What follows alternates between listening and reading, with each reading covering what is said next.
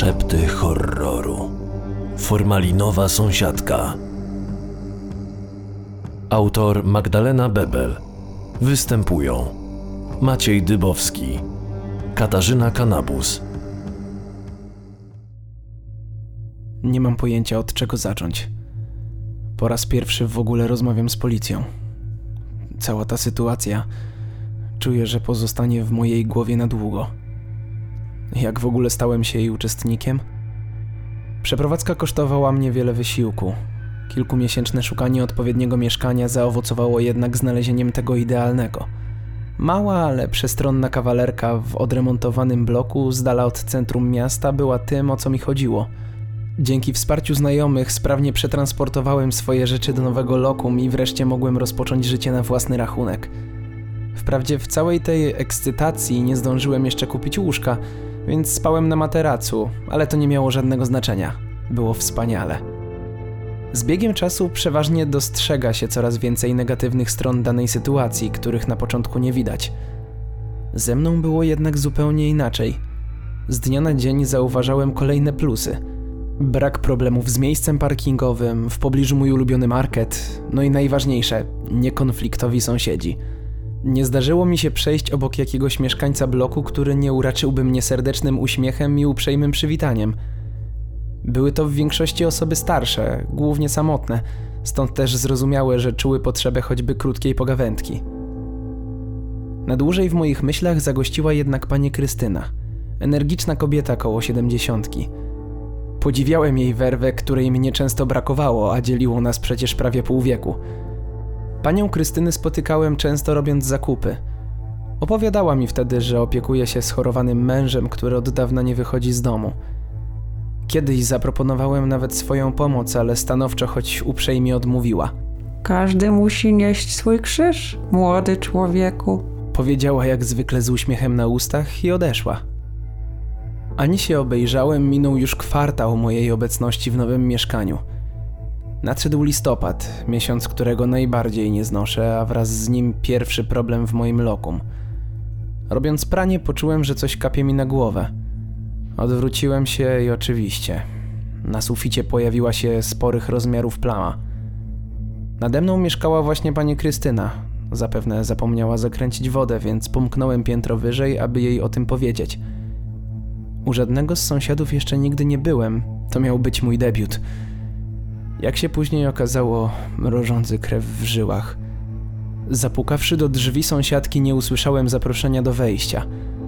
Postanowiłem jednak zaryzykować i dla dobra sytuacji szarpnąłem za klamkę. Drzwi nie były zamknięte na klucz, więc wszedłem do środka. Od progu głośno informując, kim jestem i po co przyszedłem. Nikt nie odpowiadał, więc czując, że dzieje się coś złego, skierowałem się do łazienki. Chciałem zakręcić wodę, która zalewa moje mieszkanie. Wanna, a w niej zwłoki starszego mężczyzny o wątłej budowie z wieloma bliznami na ciele. Ten widok wraz z duszącym smrodem zgnilizny oraz dźwiękiem lecącej z kranu wody zapamiętałem jako ostatni. Ostatni przed ciosem w głowę, który sprawił, że straciłem przytomność.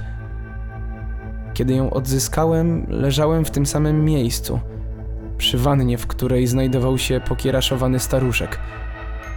Pierwsza myśl: zadzwonię po pomoc. Telefon jednak zostawiłem w mieszkaniu, nie przewidując, że wizyta się przedłuży. Tak bezszelestnie, jak tylko dałem radę, podniosłem się. Na drżących ze strachu nogach nie było to jednak łatwe zadanie. Co robić? Co mi grozi? Kto mnie uderzył i czy niebawem podzielę los leżącego obok seniora? Pamiętam, że kiedy wchodziłem do tej łazienki, moją uwagę przykuła wisząca nad pralką szafka z przypiętą kłódką. Kłódka ta była jednak teraz otwarta, dlatego nie zważając na konsekwencje, postanowiłem zajrzeć do środka. Znów starałem się być dyskretny, jednak drewniane drzwi starej półeczki głośno zaskrzypiały. Moim oczom ukazały się sporych rozmiarów słoiki, a w nich trudno w to uwierzyć, ale były to prawdopodobnie ludzkie narządy zalane przezroczystą cieczą. Formalina? Chyba tak nazywa się ta substancja. O ile dobrze pamiętam kilka szczegółów z czytanej ostatnio powieści sensacyjnej. Zamarłem, a z pierwszego szoku wyrwały mnie wyszeptane za moimi plecami słowa.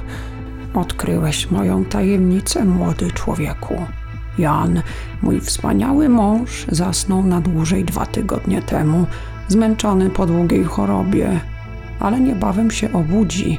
Trzeba mu jednak trochę pomóc. Nieco o tym poczytałam w tych waszych internetach i znalazłam wspaniałego człowieka, który za stosowną opłatą zdecydował się mi pomóc. Rzeczy, które widzisz, zostawił u mnie wczoraj i obiecał, że dziś się pojawi i tchnie nową energię w ciało mojego męża.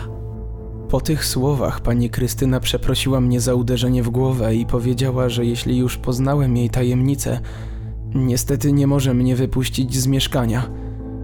W jej oczach było tyle naiwności, nadziei, a jednocześnie jakby obłędu. Poleciłem, aby przykryła męża, bo w oczekiwaniu na tego uzdrowiciela może jeszcze bardziej podupaść na zdrowiu. Pochwaliła mój pomysł. Poszła po koc, a ja w tym czasie nieco nieporadnie, jak na 25-latka, uciekłem przez balkon. Następnie zadzwoniłem do was i są to pierwsze zeznania, jakie złożyłem w życiu. Nie wiem, przez kogo pani Krystyna wplątała się w całą tę sytuację, jednak sądzę, że nikomu nie zrobiła żadnej krzywdy. Zasubskrybuj szepty horroru, aby nie przegapić żadnej strasznej historii. Czytał Tomasz Osica.